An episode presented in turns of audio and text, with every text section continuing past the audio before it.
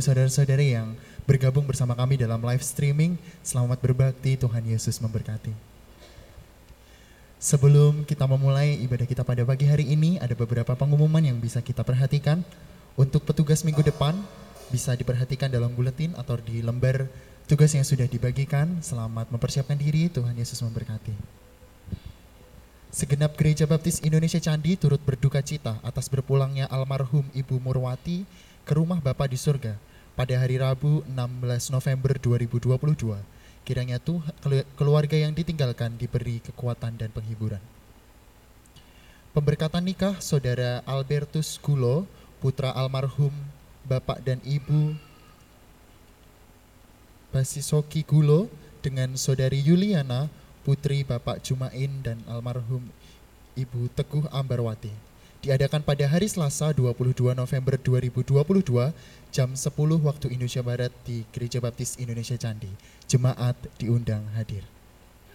Natal WBI Rayon Selatan diadakan pada hari Kamis 8 Desember 2022 jam 5 sore di GBI Ngembak. Kontribusi sebesar 15.000 per orang bagi ibu-ibu yang akan mengikuti acara ini dimohon mendaftar kepada Ibu Maria paling lambat tanggal 27 November 2022. Home konser khusus musik GPI Candi akan dilaksanakan Senin 28 November 2022 jam 6 sore. Tiket konser bisa dibeli di Ibu Ami Sugiatmi dan Ibu Cici. Hasil penjualan tiket sebagian dananya akan diberikan ke, cabang cerewek untuk mendukung pembangunan pastori dan Natal Caroling PKMB GBI Candi. Yang terakhir, Gereja Baptis Indonesia Candi mengucapkan selamat ulang tahun kepada tanggal 20 November, Ananda Jonathan Christian Adiyatma. 21 November, Ibu Teresia Entin Kristiana, Ananda Satria Surya Arlando Putra. Tanggal 22 November, Saudara Samuel Kukuh Imam Setiawan. Tanggal 24 November, Saudara Eleazar Adam Salsa Novarin. Tanggal 25 November, Saudari Hilda Alisa Saudari Ignacia Gracia Evania Dwinova. Dan tanggal 26 November, Ibu Utari Dewayani. Selamat ulang tahun, panjang umur Tuhan Yesus memberkati. Mari kita mulai ibadah kita pada pagi hari ini. Saya mempersilahkan kepada Bapak Ibu Saudara-saudari untuk boleh bersaat teduh sejenak, mengucap syukur kepada Tuhan untuk berkatnya sampai pagi hari ini.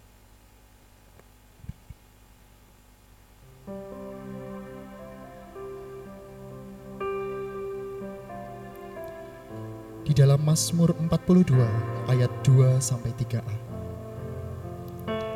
Seperti rusa yang merindukan sungai yang berair, demikianlah jiwaku merindukan Engkau, ya Allah. Jiwaku haus kepada Allah, kepada Allah yang hidup.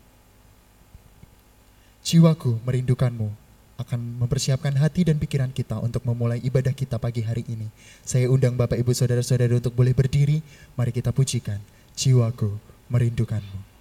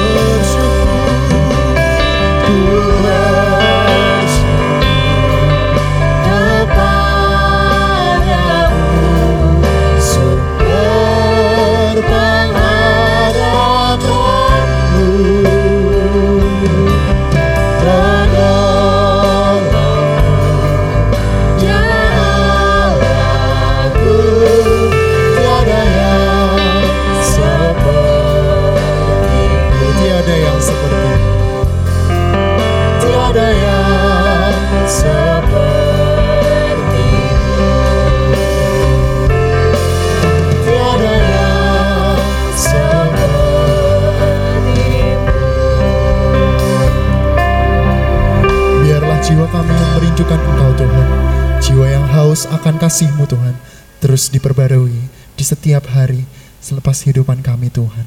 Kami mengucap syukur Tuhan hari ini kami boleh ada di tempat ini untuk boleh bersama-sama memuji memuliakan nama Engkau dalam keadaan yang baik, dalam keadaan yang sehat yang penuh dengan kasih dan karunia-Mu Tuhan.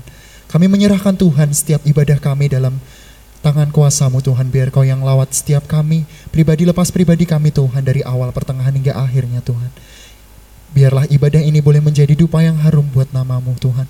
Biarlah kami boleh terus diperkenan untuk memuliakan namamu. Ampuni Tuhan segala dosa dan kesalahan kami yang kami lakukan baik dalam pikiran, perkataan maupun perbuatan kami Tuhan. Sucikan dan kuduskan kami agar kami boleh layak dan berkenan untuk menghadap Engkau pada hari ini Tuhan. Terima kasih Tuhan Yesus, ini doa ucapan syukur dan permohonan kami. Kami naikkan di dalam nama Tuhan Yesus, kami berdoa. Haleluya. Amin. Dipersilakan duduk kembali. Esalah dasar gereja yang dibangun oleh roh Allah yang kudus. Harapan mulia yang menuntun langkah kita menuju terang ceria ke tempat sejahtera. Esalah dasar gereja.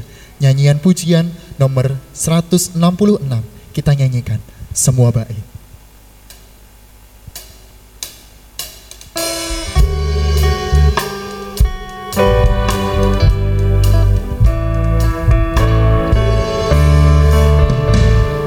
salah dasar gereja Kristus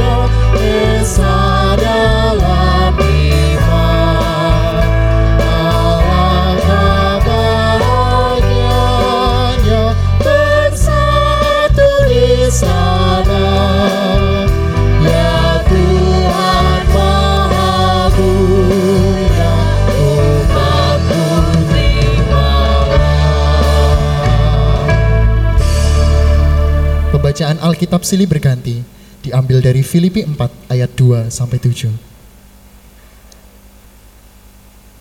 Pembacaan Alkitab pada pagi hari ini diambil dari Filipi 4 ayat 2 sampai 7. Kita akan membacanya secara silih berganti. Saya akan membaca ayat yang bernomor genap. Bapak Ibu Saudara-saudari bersama singer akan membaca ayat yang bernomor ganjil.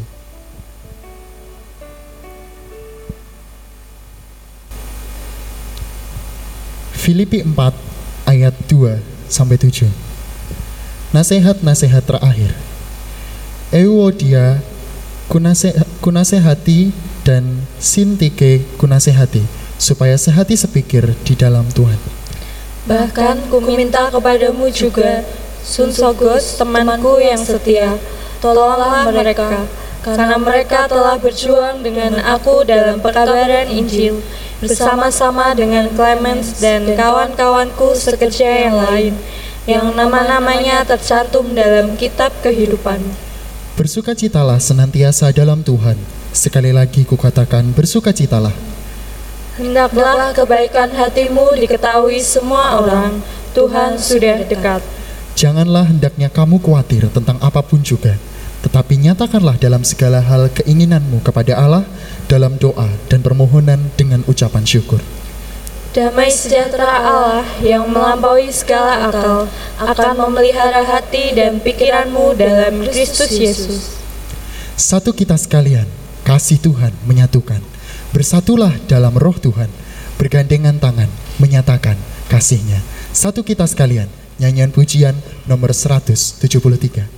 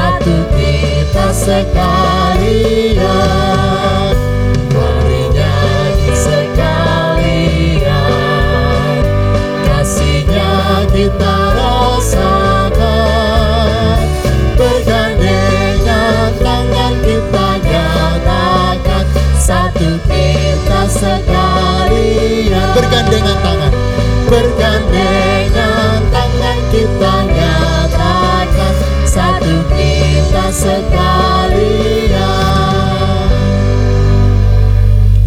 Doa persembahan akan dipimpin oleh Saudari Rosa.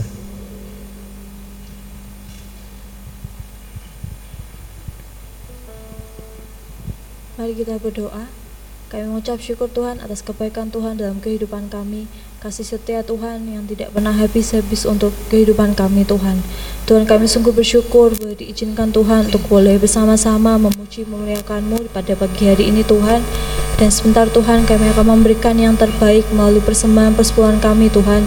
Biarlah apa yang kami berikan boleh menjadi berkat bagi pelayanan di gereja kami dan di ling- lingkungan gereja kami Tuhan. Terima kasih Tuhan Yesus kami mau menyerahkan persembahan persepuluhan ini ke dalam tangan kuasamu. Haleluya. Amin. Pujian dari singer akan mengiringi kita dalam memberikan persembahan dan perpuluhan.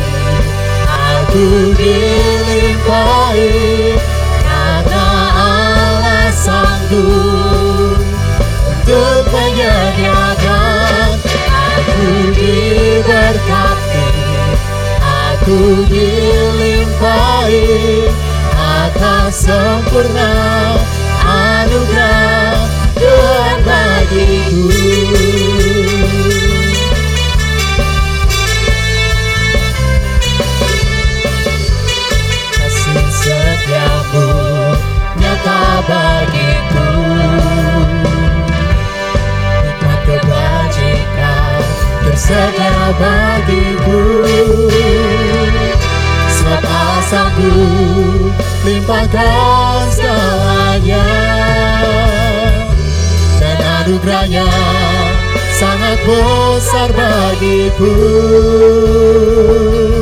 aku diberkati aku dilimpahi karena Allah sanggup untuk menyediakan aku diberkati aku dilimpahi atas sempurna anugerah Tuhan bagiku aku diberkati aku dilimpahi karena Allah sanggup untuk menyediakan aku diberkati aku dilimpahi atas sempurna anugerah Tuhan bagiku. Atas sempurna anugerah Tuhan bagiku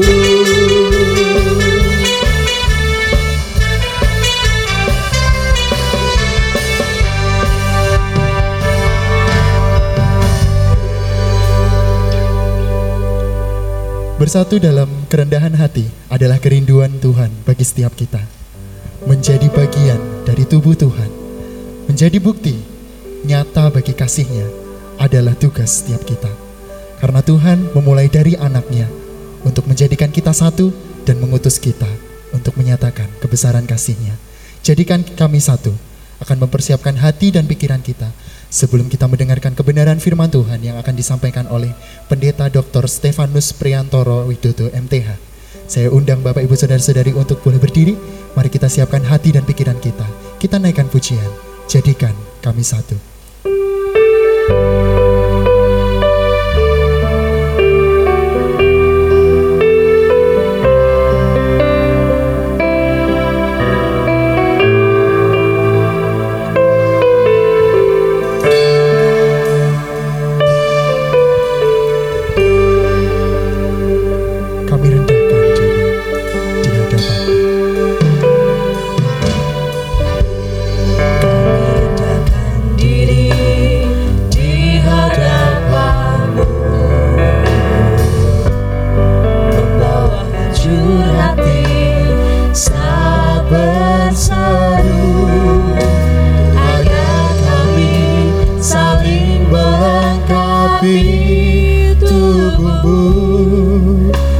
Seperti kau dan Yesus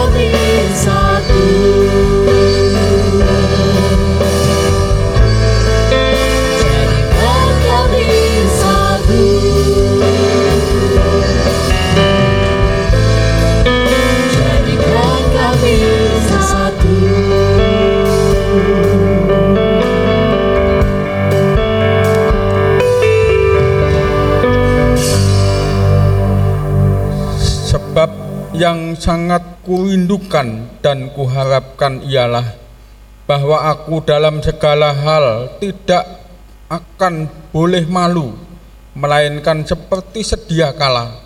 Demikian pun sekarang, Kristus dengan nyata dimuliakan di dalam tubuhku, baik oleh hidupku maupun oleh matiku.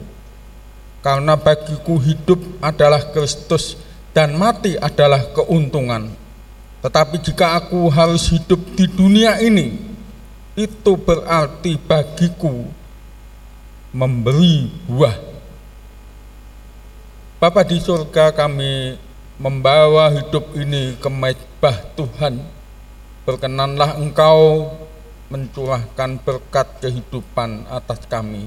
Kuduskanlah kami supaya kami layak di hadapan-Mu.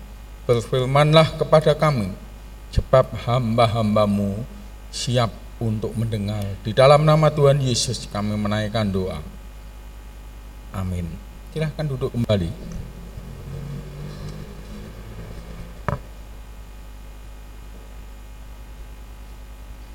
Pelayanan di dalam Tuhan yang sangat membahagiakan adalah ketika kita bisa bersatu hati,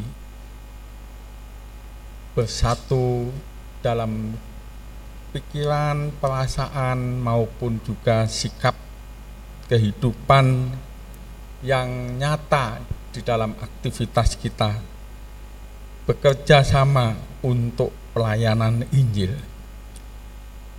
Tema pelayanan kita berfokus kepada 1 Korintus pasal 3 yang merupakan kisah di mana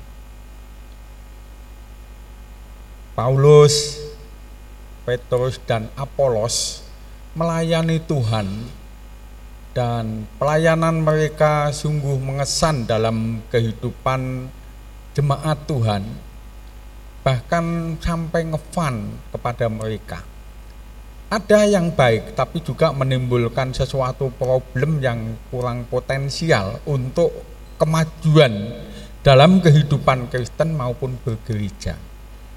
Kalau kita membaca di dalam surat 1 Korintus pasal 1 sampai 4 ada problematika di dalam gereja di situ. Oleh karena timbulnya gejala yang demikian. Oleh sebab itu Paulus mengingatkan supaya teman-teman sepelayanan memiliki kesepahaman sehati, sepikir, sehati, sejiwa untuk melayani. Di kota Korintus sampai saat ini masih ada sisa-sisanya, sisa peninggalan dan tiang-tiang itu adalah kuil dewa Apolos yang memang dalam mitologi Yunani dianggap dewa yang memiliki kemampuan dalam berbagai macam bidang termasuk eh, menyampaikan gambaran masa depan tapi juga sistem pengobatan dan macam-macam dan menjadi penyembahan kepada dewa yang diagungkan dan itu ada di dalam jemaat eh, Korintus juga yang menyebabkan mereka perlu difokuskan kembali bagaimana hidup ini supaya tertuju kepada Kristus.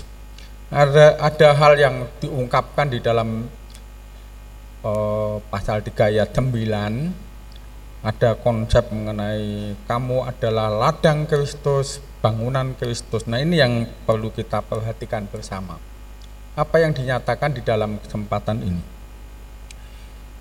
Paulus menegaskan kembali para hamba-hamba Tuhan itu kawan-kawan sekerja untuk melayani Tuhan dan tidak ada kemuliaan diri pribadi tetapi tujuannya adalah bagaimana Kristus dimuliakan itu sebabnya Paulus mengingatkan ada yang menanam, ada yang menyiram, tetapi Tuhan yang memberi pertumbuhan saya kurang tahu apa yang dimaksudkan di dalam mimbar ini. Tapi setidaknya berfokus kepada bagaimana kita merindukan hidup ini secara potensial bisa mengalami kemajuan bahkan mengalami tahapan perkembangan sesuai dengan harapan iman kita. Iman yang bertumbuh, iman yang berkembang, iman yang berbuah.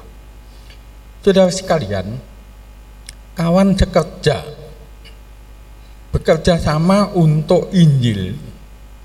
Dalam surat Filipi yang kita baca, Paulus juga menasihati mengenai kebersamaan pelayanan itu untuk Injil, memberitakan Injil, melayankan Injil, terutama bagi penanaman jemaat baru.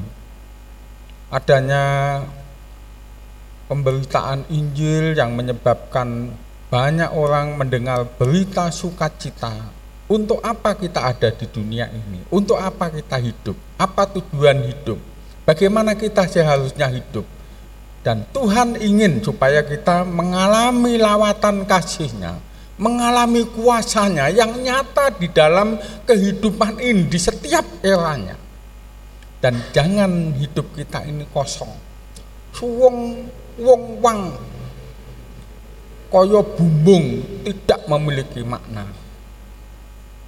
Paulus mengingatkan jemaat, mari kita mengalami perkembangan, mengalami pertumbuhan termasuk di dalam kehidupan kita berjemaat.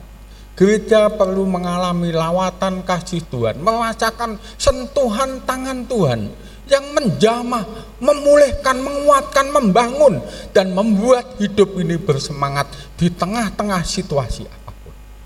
Gereja perlu mengalami perkembangan dan pertumbuhan.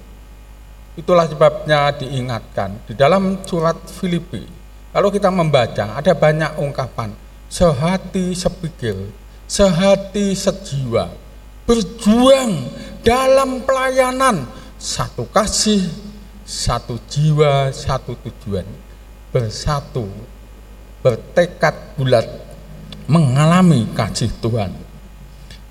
Saudara sekalian, di dalam surat 1 Korintus pasal 3 ayat 9, saya mengambil beberapa terjemahan tentang kamu adalah ladang Tuhan kamu adalah bangunan Kristus. Dalam terjemahan sederhana Indonesia dikatakan, karena kami sama-sama pelayan Allah. Dan kalian seperti ladang milik kepunyaan Allah. Dan kalian juga merupakan rumah Allah yang baru. Hidup ini kan digambarkan, diilustrasikan seperti ladang miliknya Tuhan. tapi juga hidup ini digambarkan sebagai bangunan milik Allah. Dalam terjemahan Indonesia Language Translation dikatakan sebab kami adalah rekan sekerja Elohim. Kamu adalah ladang Elohim, bangunan Elohim. Kalau bahasa Jawa begini. Awet aku kabeh iki padha bebarengan nyambut gawe kagem pakaryaning Allah. Jadi aja dibanding-bandingke. Ya mesti kalah he, gitu loh bukan waktunya membanding-bandingkan tetapi marilah kita melihat pekerjaan Tuhan yang dinyatakan untuk memulai asmo dalem memulai asmaning Gusti memuliakan nama Tuhan. Dalam kehidupan ini gejalanya nyata. Kalau ladang Tuhan wujudnya ya buah-buahan gini nih ladang miliknya Tuhan digulo wentah jadinya ya buah-buahan hasil tanaman yang sangat beraneka ragam dan potensial berguna untuk kehidupan. Dene kue iku podo dadi lahan garapane Allah. Iya dalem yasane Allah. Ini konsep yang disampaikan oleh Paulus menasehati jemaat Korintus. Ojo blok-blokan, ojo komplotan-komplotanan. Semua abdine Gusti itu makayo bebarengan memulai asmane Gusti asma dalem diluhurake. Ndok dadi basa Jawa ya? Aku dewi lali. Nek khotbah negara-negara gereja baptis Indonesia candi ya. Karena kulino ini Pak Yumen nggak ngerti malahan.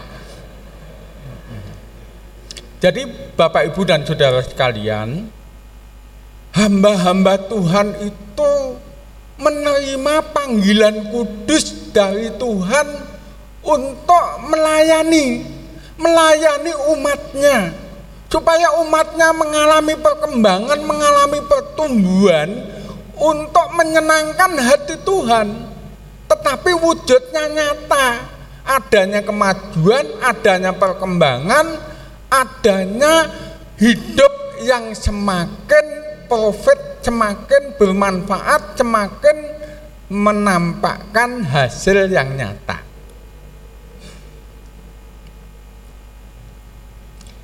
masing-masing pribadi jemaat ya jemaat ya hamba-hamba Tuhan yang melayani itu sama diilustrasikan dianalogikan seperti ladang lahan yang subur benih itu firman Allah firman Allah yang ditaburkan ono terong ungu ini saya seneng ini terongnya ungu ini. Ini kalau saya loh ya, kalau saya dibakar nganggu areng gitu. Terus engko dikotok nganggu tempe sing rodok bosok gitu. Nah ini urung sarapan jadi ngambukane enake sarapan toh. Nah gitu. Nasine anget, pulen, terong apa kuwi? Terong apa namanya? bukan telong penyet gorengan ya saya kurang seneng gorengan dibakar saja dengan tempe nanti ya memang pakai santan ya santan jangan kanil-kanil ya nanti kolesterol tinggi dah begitu saja ya ada kalau ada dengan kerupuk wah nyamleng tenan gitu. Gue enak gitu ya ini gandeng mau cerita ya cerita. Tapi saya itu nandur terong juga. Mau ke rumah saya tak tak tunjukkan. Jadi saya itu punya kadang-kadang kan beli aqua yang 15 ribu itu loh yang miliknya apa ya? Mirale atau apa itu. Ya saya sobek sa- oh, pantatnya saya sobek kemudian saya kasih tanah saya kasih bibit terong nanti keluar dari ujung tutupnya botol. Dan ini dia jempalik begini. Ya. Nah, naik dengan sendirinya. Terus pokoknya saya di rumah ubet. Di rumah saya ada banyak tanaman-tanaman macam-macam lah. Sangat bergantung kepada bapak ibu saudara dan saya mengelola tanah lahan miliknya Tuhan. Kalau bibitnya baik nanti akan mengalami pertumbuhan, mengalami perkembangan, mengalami pembuahan yang potensial bisa berhasil dalam hidup. Tanah yang disiapkan akan sangat potensial ketika benih ditanam, benihnya akan tumbuh dengan sehat, akan semakin kuat, akan berbunga atau berkembang dan juga akan berbuah. Tuhan menginginkan hidup kita ini seperti itu. Ladang yang subur ketika benih ditanam, benih itu akan hidup secara potensial mengalami pertumbuhan dan pembuahan yang sungguh menampakkan hasil yang nyata apa toh tujuan hidup ini? Kalau tanya itu kan ada perkembangan, ada pertumbuhan dalam kehidupan yang kita hidupi ini. Jarang orang bertanya kok tidak mengarah kepada sampun patutan pinten sak mangke gitu loh.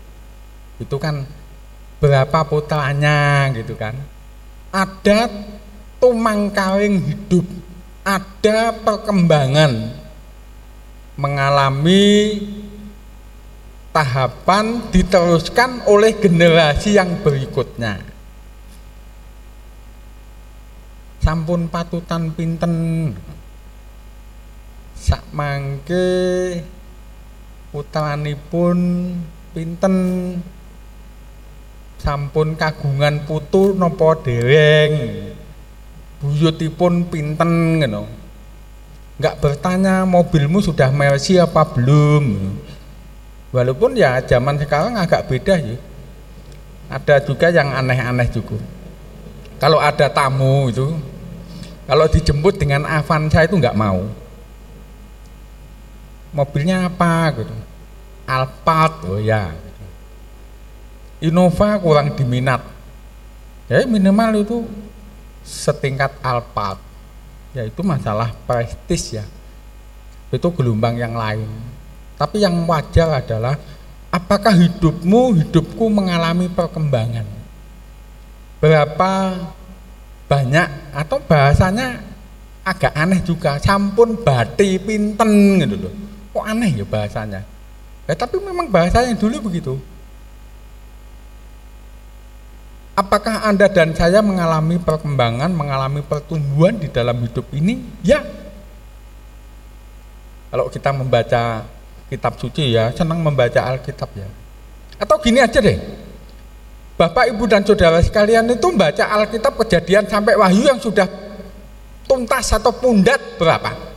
Angkat tangan, sampun nuntasaken maos Alkitab wiwit kejadian ngantos Wahyu Siapa yang sudah menyelesaikan kitab kejadian sampai wahyu angkat tanganmu. Ayo. Syukur alhamdulillah. Ada lagi? Syukur alhamdulillah, syukur alhamdulillah. Wah. Ada lagi? Mengapa tidak ya? Itu hikmat Tuhan. Tuhan berfirman dan firmannya itu tertanam di dalam hidup ini. Yang menyebabkan hidup ini mengalami sukacita yang tak terkatakan. Itu sungguhan. Itu bukan ucapan jempol. Kalau ini ucapan jempol. Menikmati firman Tuhan itu membahagiakan. Amat sangat membahagiakan. Bukan karena saya pendeta loh ya. Sebelum saya jadi pendeta itu udah baca kitab kejadian sampai wahyu habis. Saya coret coret coret coret kasih ballpoint dulu ballpointnya big gitu big merah hitam biru hijau dicoret coret. Dan kejadian sampai wahyu selesai ya ganti lagi kitab yang lain. Dan itu tidak akan pernah hidup ini seperti kayak puas dan ingin terus rindu mengalami kasih Tuhan ditanami firmannya dan firmannya bertumbuh di dalam kehidupan ini Tuhan Yesus berfirman, mari ikut aku dan kamu kujadikan penjala manusia. Duh, kok aneh ya? Mari ikut aku dan kamu kujadikan penjala dompet. Ngono kan enak toh. Duitnya ben okeh gitu loh. Punya pelanggan, ya toh? Punya nasabah, punya klien, punya pasien, punya apa lagi? Punya relasi gitu ya. Punya pelanggan, macam-macam. Jenengan dan saya jolo dompet atau jolo orang loh piye jualan apa misalnya? Jualan tempe penyet tempe penyet tempe terong penyet misalnya gitu. Jolo duit apa jolo orang kan jolo duit sekali dapat gak balik dek nenek tapi kalau jolo orang merasakan layanan yang baik layanan yang memuaskan akan balik beli lagi bahkan ngajak kanca-kancane. Lho apa bina, binekahan dening Gusti? Wah baru kahe Gusti banyu milih itu sebabnya Anda dan saya harus memaknakan Tuhan berfirman mari ikut aku dan kamu ku jadikan penjala manusia. Supaya gerjone kebak itu bangku-bangku yang kosong ini atau nanti Natalan kebak itu ya. Oke lah. Tujuannya bukan hanya untuk membawa orang percaya Yesus dan kita punya banyak kawan di dalam persekutuan bergereja. Bukan hanya itu saja tetapi Anda mengalami hidupmu dilawat oleh Tuhan, hidupmu diberkati oleh Tuhan, hidupmu mengalami kemajuan, mengalami perkembangan dan merasakan kenikmatan bagi donya kepenak ngakhirat. Amin. Iya carane? Ya. Mari kita melakukannya. Biarlah benih firman Tuhan itu tumbuh di dalam hidup kita. Siapkanlah hatimu siapkanlah pikiranmu supaya Tuhan melawat hidupmu dan firman-Nya tertanam, bertumbuh dan berbuah di dalam dirimu. Juga digambarkan sebagai bangunan. Bangunan yang indah, tahan, berdiri dan teruji, kokoh sampai hari ini masih ada, masih tahan berdiri saya hanya ngambil foto gereja GPIB Belenduk sampai sekarang masih ada. Tapi bukan maksudnya jadi bangunan itu bukan wujud jenggelek kayak gereja GPIB Belenduk, tapi bangunan hidupmu. Anda dan saya akan menghadapi tantangan rentang waktu dengan berbagai macam gejalanya. Kalau digambarkan sebagai lahan, kita harus membuktikan bahwa firmannya tumbuh, berbuah, lebat di dalam hidup ini. Saya nggak usah buka ayat Alkitab ya, tapi saya ingin menyampaikan yang mestinya saudara dan saya hafal. Ketika Tuhan Yesus mengatakan, akulah pokok anggur yang benar dan kamulah ranting-rantingnya, Lalu Tuhan Yesus berkata, berkata juga di dalam Yohanes pasal 15 ayat 16, bukan kamu yang memilih aku untuk menjadi sahabatnya, tetapi akulah yang memilih kamu dan aku menetapkan supaya kamu pergi. Pergi ke mana? Uripo. Ojo kumpul nenggone lingkungan komunitas orang beriman saja, hiduplah di tengah-tengah dunia. Berkaryalah, golowentah urip, berkembanglah, bertumbuhlah, mengalami kemajuanlah. Aku menetapkan supaya kamu pergi ke tengah-tengah dunia dan menghasilkan buah dan buahmu tetap bertahan sampai ke dalam kehidupan yang kekal. Mengalami kebahagiaan bagi dunia tetapi juga bagi neng akhirat. Yohanes 15 ayat 16 buah yang tetap ada di dalam hidup Anda dan saya. Dan yang terutama adalah berapa? Banyak orang yang telah Anda jangkau untuk Injil keselamatan. Orang-orang yang telah Anda perkenalkan kepada Yesus. Mereka bertahan sampai di ke dalam kehidupan yang kekal. Tapi juga sebagai bangunan dibangun di atas pondasi yang kokoh sebagai titik awal bangunan dimulai dengan batu penjuru yang kuat yaitu Kristus. Kristus adalah dasar kehidupan. Di atas dasar kehidupan di atas Yesus Kristus kita membangun hidup ini. Anda dan saya membangun kehidupan ini digambarkan dalam 1 Korintus pasal 3. Sampian membangun dengan apa? Dengan kayu, dengan rumput jerami, dengan batu, dan dengan berbagai macam hal yang mulia. Mas perak, it up to you. Tetapi pada waktu mengalami pengujian oleh api, semuanya akan nampak. Apakah bangunan hidupmu bangunan imanmu, bangunan kehidupan rohanimu tahan berdiri oleh rentang waktu sampai tiba saatnya. Anda dan saya berhadapan dengan Tuhan untuk membuktikan karya hidup. Apabila diuji oleh api, semuanya akan nampak.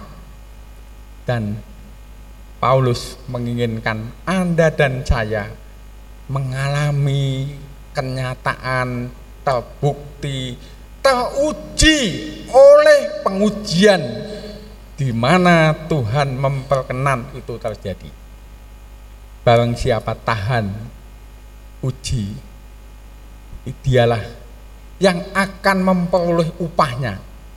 Tetapi yang tidak teruji ya tetap diselamatkan walaupun seperti dari dalam api. Mari kita lihat naskahnya ya daripada saya berkata seperti ini saja. 1 Korintus pasal 3 dikatakan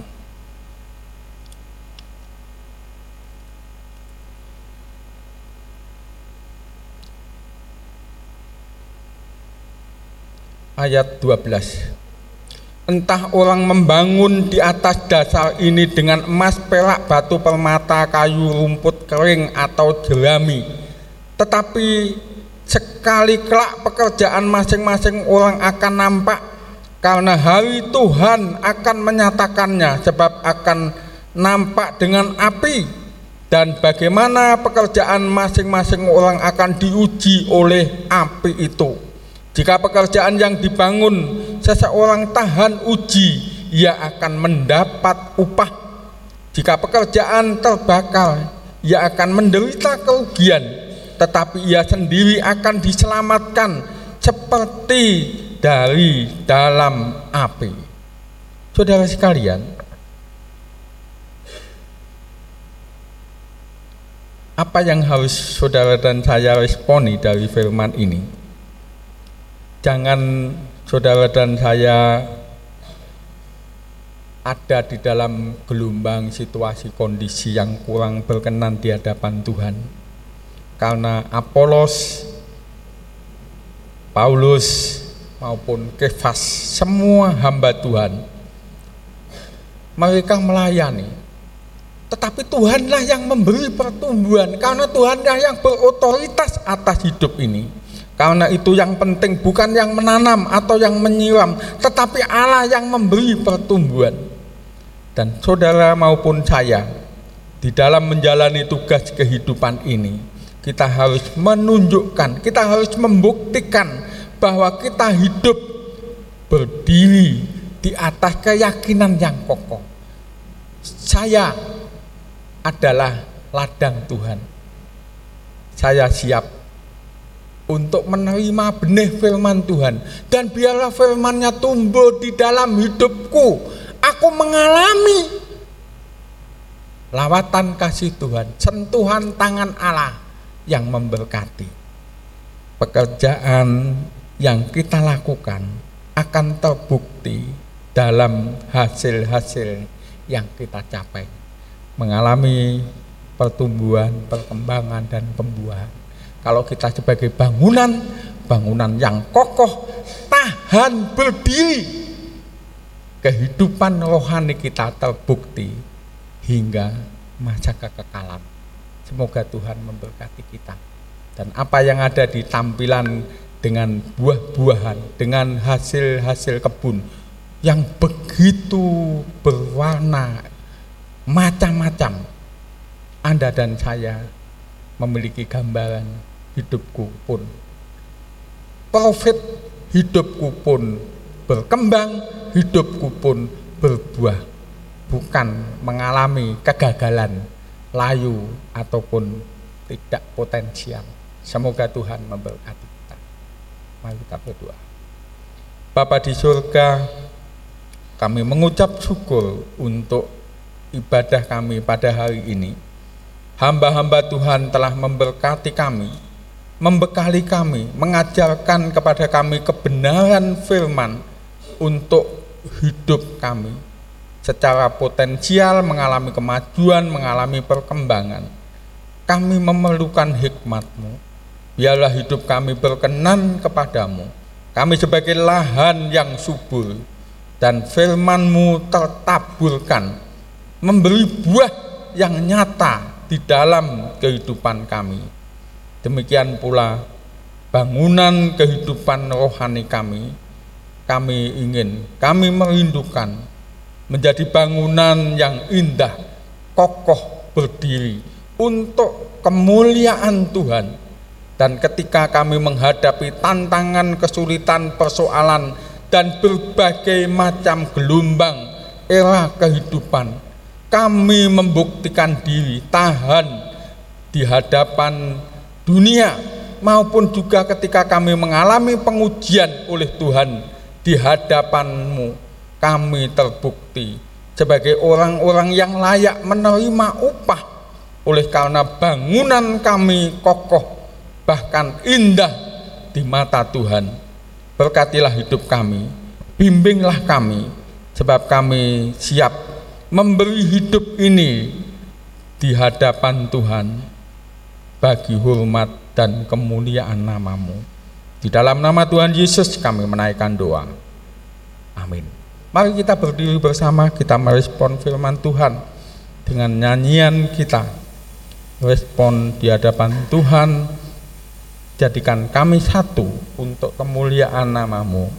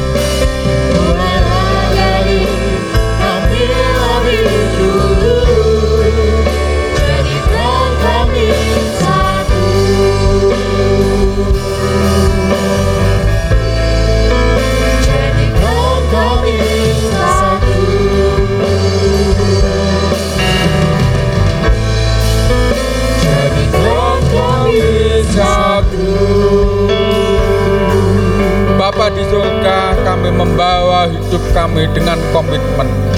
Kami merindukan engkau berkenan Untuk menjadikan kami satu Persekutuan denganmu dan dengan sesama kami.